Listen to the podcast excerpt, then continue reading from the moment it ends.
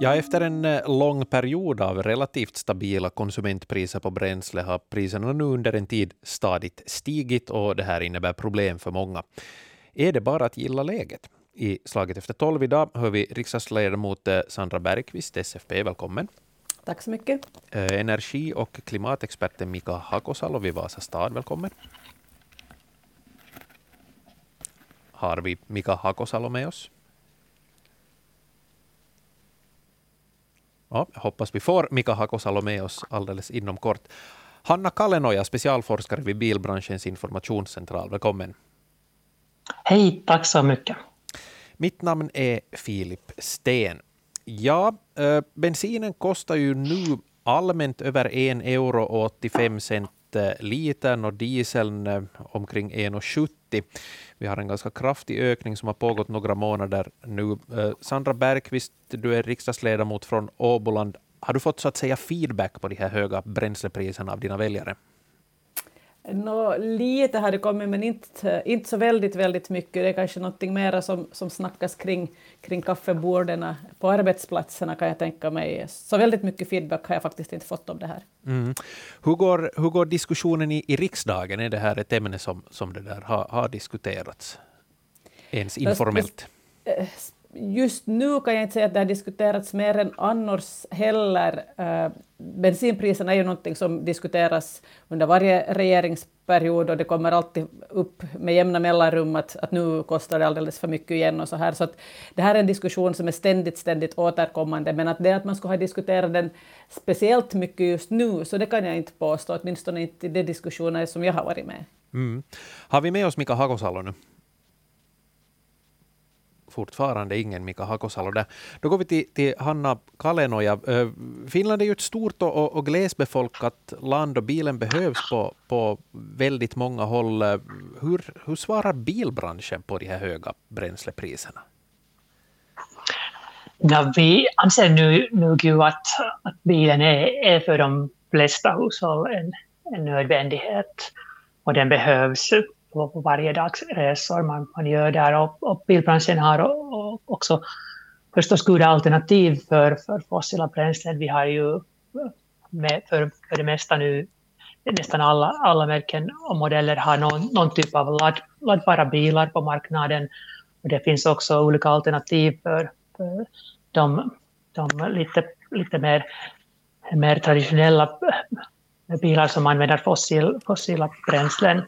Men eftersom den genomsnittliga nu elbilen är fortfarande nästan 20 000 euro dyrare än de genomsnittliga bensinbilar och antalet begagnade elbilar på marknaden är fortfarande relativt små. Endast en, en liten del av hushåll har en möjlighet numera att, att välja en, en, en bil som använder ett, ett alternativt bränsle. Precis, vi ska återkomma till, till eh, det här med, eh, med bilarna om en stund. Eh, nu borde vi ha Mika Hakosalo med oss. Ja, jag är med nu. No, fint. Mika Hakosalo, hur ser, hur ser du på de här höga bränslepriserna? Uh, ja, det, man kan ju se det på mång, många, många olika Det är inte bara bränslepriserna, så vi har ju höga elpriser och vi har höga gaspriser i, i Europa. Så det är, en, det är mycket, det är mycket saker som händer samtidigt. Så, så den, eh, vi kan väl säga att den, de här fluktuationerna har ju kommit att stanna. Så att vi, har ju, vi kan ha väldigt höga priser och sen kan vi ha lägre priser. Så att, så att, den, så att det är väl någonting som, som jag ser då att just nu är det ju höga eh, och påverkar väldigt mycket då landsbygden och personer som är, är beroende av bilar. Men å andra sidan så, så om man, man bor i, i städer så har man ju möjlighet att använda andra färdmedel, då. Mm. kollektivtrafik och så vidare de här, de här höga bränslepriserna, precis som du, som du sa där Mika Hakosalo, de, de slår ju särskilt hårt mot, mot glesbygden. Eh, vad tror ni, hur, hur kan det här kompenseras? Går det att kompensera? Vad säger Sandra Bergqvist? Det är naturligtvis en, en, en, fråga som, som aktualiseras i och med att, att de här priserna blir nu väldigt höga och vi vet ju inte ännu heller hur länge det kommer att bli så här. Eh, kommer marknaden att stabilisera sig eller, eller kommer det att fortsätta eh, så här. Men, men det är klart, i något skede så kommer vi fram till den diskussionen att, att när det börjar handla om en rättvisefråga, bor du på landsbygden så har du inga andra alternativ. Eh, eller behöver du dem i, din, i ditt yrke, till exempel om du är jordbrukare, så då behöver du, du är väldigt, väldigt beroende av det här. Eh, bor du i städerna så kan det faktiskt finnas riktigt bra alternativ att ta kollektivtrafik eh, och att, att röra sig med, med cykel eller elcykel eller någonting annat. Och, och, om det blir så att det här blir för en längre period så tror jag att det är jätteviktigt att vi ur ett rättviseperspektiv Eh, och socialt perspektiv också funderar noggrannare på att, att eh, finns där mekanismer man kunde ta till då för att, eh, för att göra det här lite, lite vad ska jag säga, rättvisare. Att, att vi har många områden i Finland där man är beroende av bil. Det kommer man inte ifrån. Och hur kunde man då lösa den situationen? Ja, finns det, finns det några konkreta funderingar i de riktningarna? Jag skulle inte säga nu att det finns något konkret. Om regeringen har suttit och funderat eh, internt på det här, det känner jag inte heller till, men, men det är klart att det handlar om kanske något avdrag eh, i beskattningen till exempel, eller, eller andra sådana saker som just då skulle också rikta sig direkt till eh, de människorna som faktiskt är väldigt beroende. Att, att det här med en skattesänkning tror jag inte, för då det, gäller det alla, utan det skulle då i sådana fall rikta sig enbart till dem som, där man inte har några andra alternativ helt enkelt. Mm. Mika Hakosalo, vill du tillägga något? Ja, vi kan väl tillägga att vi är ju mitt i en omställning överlag så att vi som, som kom fram då tidigare så, så har vi ju eh, fordonsparken eh, så, så det kommer ju komma mer och mer elbilar in på marknaden och, och som priserna pressas neråt. Men för tillfället så, så är det ju inte ett alternativ för alla. Så, så vi behöver ju också ha olika typer av nya tjänster för Utöver då, då kollektivtrafiken så måste vi titta på andra typer av tjänster som, som till exempel bilpool eller annat som, som kan, kan eh, bidra till, till då en, en om, snabbare omställning om man inte har möjlighet att själv, själv köpa, köpa en, en elbil. Men, men överlag så är det ju då en, en eh, fossil, fossila bränslen håller på att fasas ur överallt och vi, har, vi ser ju hela tiden kostnadspress på både på alltså fjärrvärmen och elpriserna kommer, kommer också påverka så att vi har ju en, en rätt stor stark omställning med, med, med prispress på, på energin. Så, så den kommer ju påverka konsumenterna så att vi, vi får ju så att säga titta på, på de alternativ som finns och vad kan vi Var kan vi, om vi inte kan spara på, på bilsidan, fordonssidan, vad kan man, kan man spara på energisidan då? Um, så, så det är väl en, en helhetsekonomisk analys som man, man måste kolla igenom då. Mm. Det, det, där är ju, det där är ju ändå det, det, är inga så att säga snabba lösningar. För många Eh, i vårt land så är ju läget ändå prekärt just nu om man inte, då, som jag nämnt, så här, inte har riktiga alternativ till, till egen bil och, och, den här bilen ofta i många fall är en lite äldre, inte så, så bränslesnål bil. Vad finns det som man kan göra nu så här, eh, ska vi säga som, eh, som en något sån snabb åtgärd för att eh, lite lyckas få ner sina bränslekostnader? Men jag kan väl eh, generellt sett så, så klart man kan ju genom sin hur man kör bilen kan man ju påverka då att, att hur man man kan också titta på att däckstryck och, och, och, överlag då att man, man servar bilen och allt annat men att hur man kör eh, kraftiga impuls, kraftiga accelerationer ökar bränsleförbrukningen. Men sen, sen samtidigt också att, att om man har, även om man kanske behöver bilen för längre resor så kan det ju väldigt mycket av bilresan är ju korta under två kilometer och de kan man ju titta mer specifikt på. Att, att behöver jag verkligen ta bilen? Finns, kan jag gå eller kan jag cykla om jag ska hämta en tidning eller om det är något lättare som jag gör och inte om jag reser, reser då ensam. Så, att, så att det är väl att gå, gå in i sin sin egen vardag och se, se vad finns det, vad kan man minska då bilanvändandet. Eh, så, så men, men fortfarande om, det, om man behöver det i sitt arbete eller så, om inte arbetsgivaren. Nu har vi haft möjlighet att jobba mycket distans men alla har inte den möjligheten heller. Så, så att det är väldigt personligt då vad man kan göra men att man får nog se speciellt de kortare resorna. Eh, där kan jag väl se att där finns möjligheter att påverka. Mm. Hanna Kallenoja, Jo, det är, det är ju väl så att, att de största kostnader kommer ju från de längre resor, så korta resor även om, om det finns ganska många av dem. Det, det blir inte så många kilometer av dem, så å andra sidan är det, är det lite, lite svårare att, att förminska kilometer från de längre resor, för de är oftast ju arbetsresor eller mycket viktiga fritidsresor. Och om man ju inte har möjlighet att ersätta bilresor med kollektivtrafik, de kortsiktiga medel är, är nästan just att, att anpassa sina resekostnader för att, bara att, att köra mindre eller kanske dela bilresor med familjemedlemmar eller vänner. Eller då välja med en mer ekonomiskt körsätt.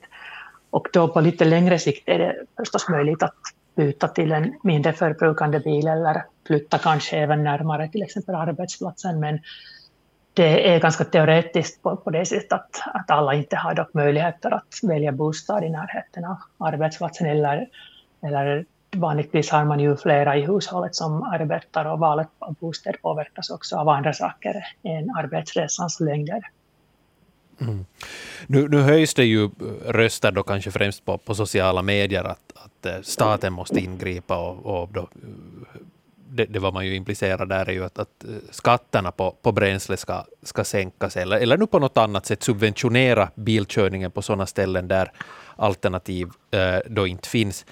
Sandra Bergqvist, är, är det alls en framkomlig väg?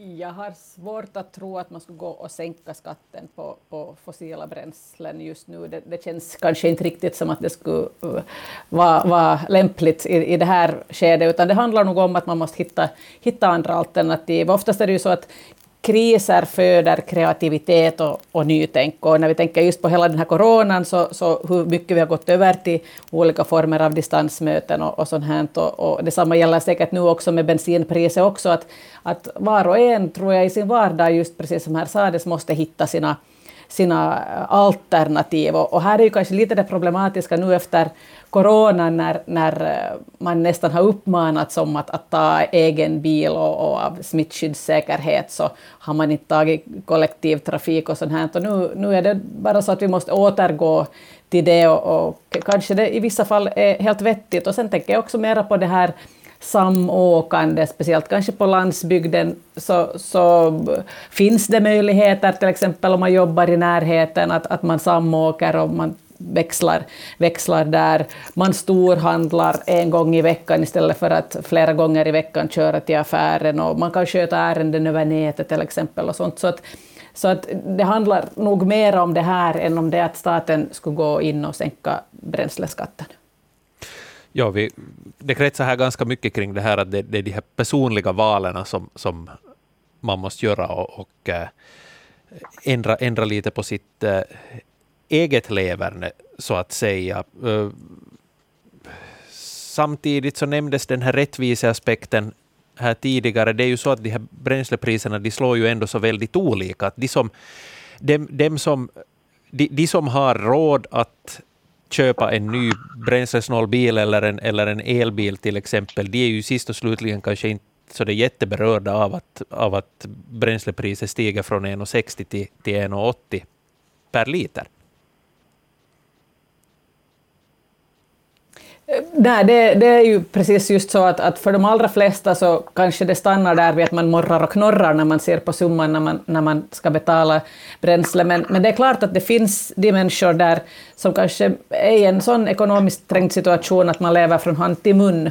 Och, och, och då förstår jag och, och, förstår alla säkert att det här är, kan bli en väldigt besvärlig situation. Och därför eh, så är det också viktigt i den här, om vi ser också det här som en viss omställning till lika mot, mot mera hållbara alternativ, att vi tar den här sociala aspekten i beaktande och, och, och funderar då kanske på någon form av ad, avdrag för, för de områden som berörs allra mest av, av den här reformen allra flesta har möjlighet inom, inom ramen för, för familjens ekonomi att, att stå ut med, med de här ökningarna och som sagt fundera på att hur, hur använder man bilen och, och sånt här. Så att, men det finns naturligtvis de som inte har det och, och, och då måste man fundera på hur, hur man löser det. Mika Hakosalo, handlar det om eh, attitydfostran till en del det här? Mm, ja nej. Det är kanske är ett laddat vi, uttryck i sammanhanget. Ja, vi, vi, vet ju att det finns ett gap mellan attityder och faktiskt levande och hur, hur, man, hur man konsumerar. Så, så jag tror det mer är mer att man hittar eh, finns, det måste vara ett annat skäl till oftast, eh, ska säga, ett annat skäl till att gå över från, från att köra bil till, till andra former av eh, gå eller cykla eller använda kollektivtrafik. Så att det, det måste finnas ja, tidsbesparing eller, eller, eller då ekonomiska skäl eller andra, andra skäl hälsoskäl eller några andra skäl som, som, som gör att man väljer det. Så att, eh, det räcker inte bara med en så attityd, uppfostrande. Det, det har inte fungerat innan heller. Så det är nog mer att man, man, man hittar andra sätt. Då. och en annan sak som, som eh, vi i Vasa då, jag är ansvarig för Vasa stads klimatprogram, uh, så vi tittar väldigt mycket på alternativa bränslen också för, för tyngre fordon och det här påverkar inte bara, bara då persontrafiken utan också då all typ av transport. Och där ser vi väl en möjlighet eh, att när vi går över från fossila till, till, till eh, förnyelsebara så finns det en, en regional och en, en, lokal ekonomi som, som kan, vi kan skapa jobb och vi kan skapa eh, ny, ny, nya ekonomiska liksom, eh, Eh, ja, få en bättre ekonomi, lokal ekonomi. Det kan vara jordbrukarna som, får, som eh, producerar biogas och, och kan få kompensation den vägen eller kan gå över, över från, från fossila bränslen. Så, att, så att vi bör nog se överlag på, på, också på den sidan att hur mycket kan, kan produceras lokalt. Vi, vi kan också använda producera förnyelsebar diesel från, från eh, skogssektorn. Så, så det finns ju de sakerna som, som är positiva för, för, så att vi minskar beroendet av utländska eh, bränslen som, som vi inte kan påverka priset på. Att vi, vi har ju väldigt lite chans att, att säga någonting om, om världspriserna på, på bränslen men om vi kan få en mer lokal, regional produktion av bränslen så, så har vi en helt annan möjlighet att hantera det. Så det är också en, en, en viktig fråga att för, för regeringen och, och riksdagen att ta ställning till att kan, kan man föra över då också liksom skatteunderlättningar på på, på den sidan för förnyelsebara bränslen så att de blir mer som ett alternativ eller en chans här. Mm. Vad, vad, säger Sandra Bergqvist om det? Ja, absolut. Det, det, är helt klart det här som vi borde fundera ännu mer på och konkreta lösningar. Att hur kunde man utnyttja just det när vi vet att på glesbygden så, så det är där som jordbruken oftast finns och, och produktionen just av, av alternativa då, bränslen. Uh, att, hur kunde man få det att fungera och, och använda det uh, lokalt? Så att det här är absolut något sånt som, som vi borde fundera ännu mera på och där vi borde komma igång riktigt ordentligt eh, med, med, med just de här alternativa bränslena. Och, och eh, där är ju naturligtvis utmaningen fortsättningsvis att, att det är ganska dyra införskaffningar för, för privatpersoner att, att kunna göra det, men, men eh, på lång sikt så är det naturligtvis ett, ett, ett jättebra och jätteviktigt mål att, att komma hit. Och själv tänker jag bara, jag märkte faktiskt en, en, negativ sak med, med den hybridbil jag själv har, eller tur att det är hybridbil, för att det var ett ganska långt strömavbrott som vi hade här och, och jag var lite fundersam på kvällen när strömmen ännu var borta när jag gick och la mig, att kommer jag att kunna föra barnen till dagis imorgon, eh, till dagis och skola eftersom elen är borta, men, men det, här, eh, det ordnar sig och, och här var ju backup är väl det att man har en hybrid i det fallet. Precis. Uh, Anna Kallenoja, så här över tid sett så, så har höjda bränslepriser fått eh, finländarna att ändra sina vanor, till exempel gällande bilkörning eller, eller försäljningen av bilar? Hur syns det? Jo, driftskostnader har, har nog en stor betydelse på det hur den bilar hushåll eller företag skaffar eller hur man använder sina, sina bilar. Den genomsnittliga bränsleförbrukningen av, av nya bilar har minskat ganska betydligt under de senaste åren, men samtidigt måste man nu komma ihåg att att bilflottan cirkulerar ganska långsamt. Så det vill säga att även om de nya bilarna är ganska bensin eller dieselsnåla så de äldre kanske inte är. Och det tar nästan 20 år när, när bilflottan går, går omkring. Och säkert påverkar bränslepriset på, på bilvalet, både förbrukningen och även drivkraftsval förstås och jämfört med laddbara bilar, bensin och dieselbilar är, är betydligt dyrare att använda. För, det, för oftast effekten av förändring av bränslepriserna på körningar eller antal kilometer beskrivs av priselasticiteten som beskriver den förändringen i efterfrågan som händer när priserna ändras. Och de kortsiktiga elasticiteter på bränsle är väldigt små eftersom hushållen eller företag i allmänhet kan inte ändra sitt beteende mycket snabbt om priserna stiger. Och det är ju så att, att köra bil är oftast en nödvändighet för de flesta hushåll. Eller på samma sätt när man, man måste använda vägtransporter ganska ofta när det inte finns järnvägsalternativ. Men då på längre sikt ökar priselasticiteten eftersom då kan kanske bilen bytas till en mindre förbrukande bil och, och andra val kan också göras för att minska, minska behovet av bränsle. Mm. Men och, generellt kan man säga att bränslepriset är inte den lämpligaste styrmedel för att förminska efterfrågan. De, de flesta bilanvändare har ju ingen annan möjlighet, inget annat färdmedel och i överhuvudtaget skulle det, det betyda ganska stora, stora negativa konsekvenser för ekonomiska aktivitet och även kanske ha negativa välfärds, välfärdseffekter. Uh, ett möjligt sätt att, som, man, som man skulle kunna snabba på den här eh, det, det här att få in mera mera då så att säga fossilfria bilar på marknaden, så, så det, är ju, det är ju om det skulle finnas andra sätt att eh, så att säga äga bil i Finland. Privatleasing för, för, alltså leasing för privatpersoner är, är förhållandevis ovanligt i, i Finland, särskilt om man jämför med, med, med Sverige och, och, och andra europeiska länder. Det finns också olika bilföretag på, i, i, andra länder som lanserar olika eh, sådana här bildelningstjänster, att du så att säga prenumererar på en bil snarare än, än, än det där att du, du köper en, en egen bil. När, när ska sånt här... Det, det här skulle ju åtminstone teoretiskt kunna, kunna sätta fart på, på, på, på den här omställningen i, i, i Finland. Var, varför är intresset så svagt här, tror du?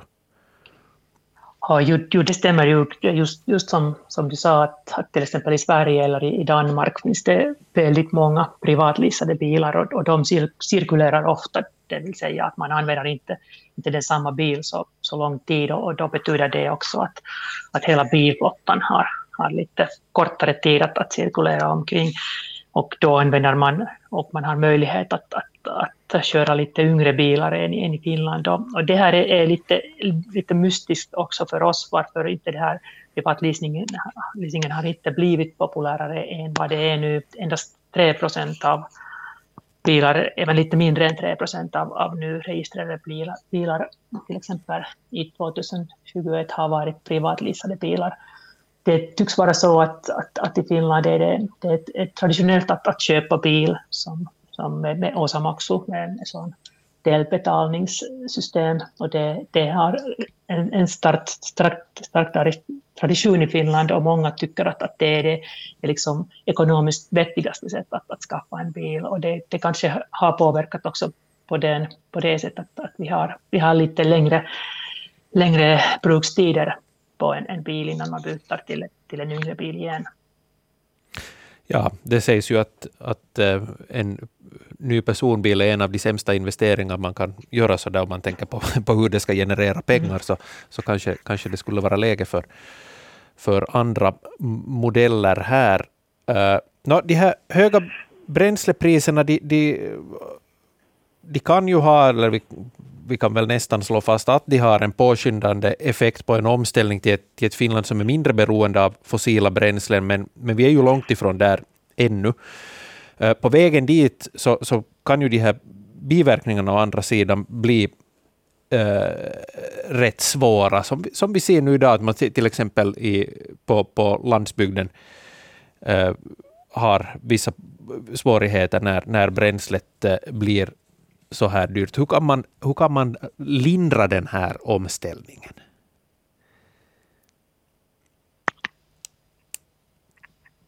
Vi säger Sandra Bergqvist här till först.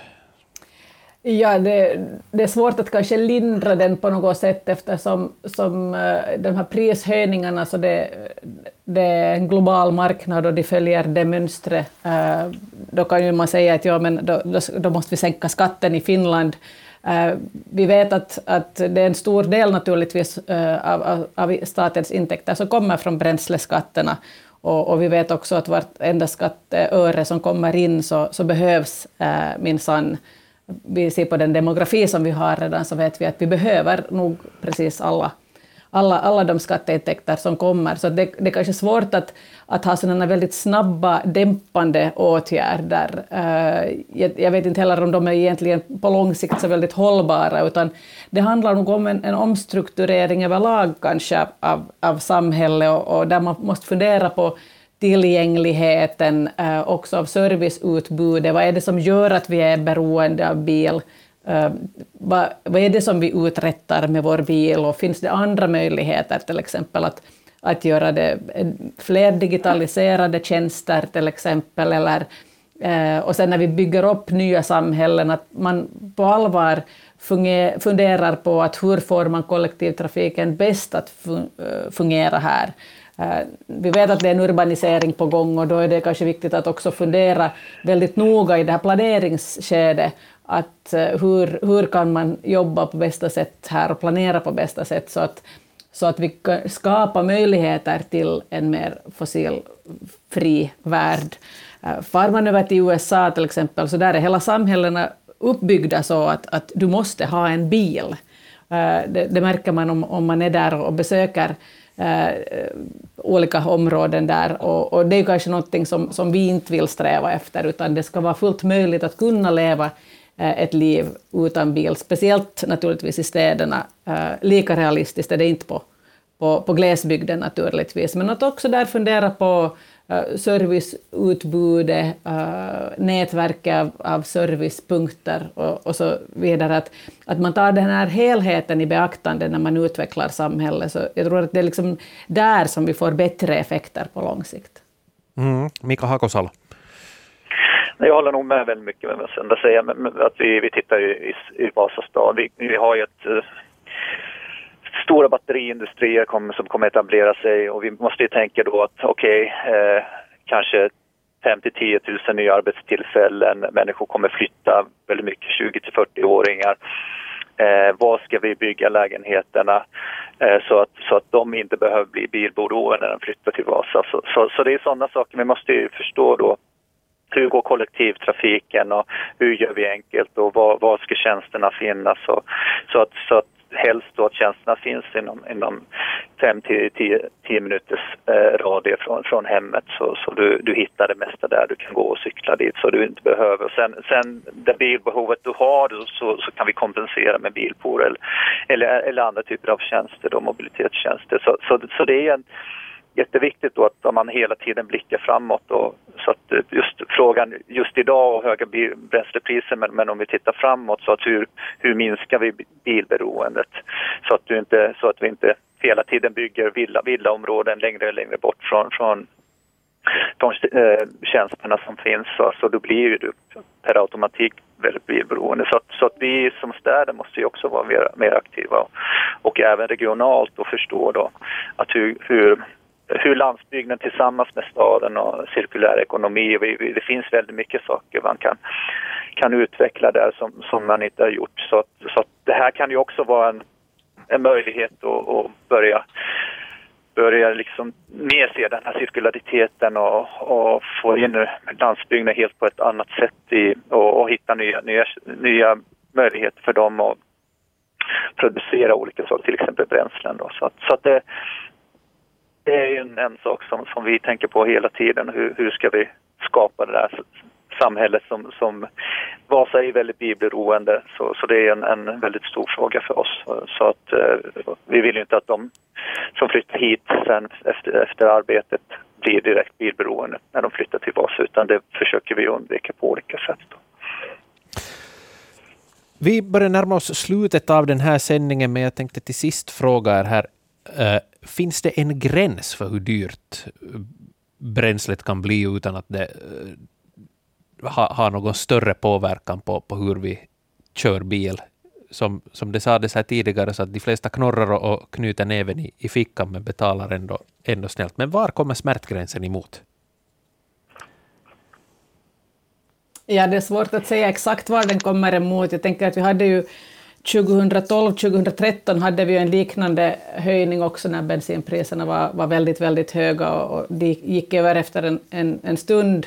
Um, det är klart att för, för eh, exporten, till exempel för transportindustrin, så, så är den här typen av höjningar eh, väldigt besvärliga, speciellt nu efter en coronapandemi, så, så, så har jag stor förståelse för att, att man upplever det ekonomiskt besvärligt. Men var smärtgränsen kommer i, i olika familjer, så det tror jag nog har att göra väldigt långt med eh, hur bilberoende är man och hur, vilka är månadsinkomsterna i familjen.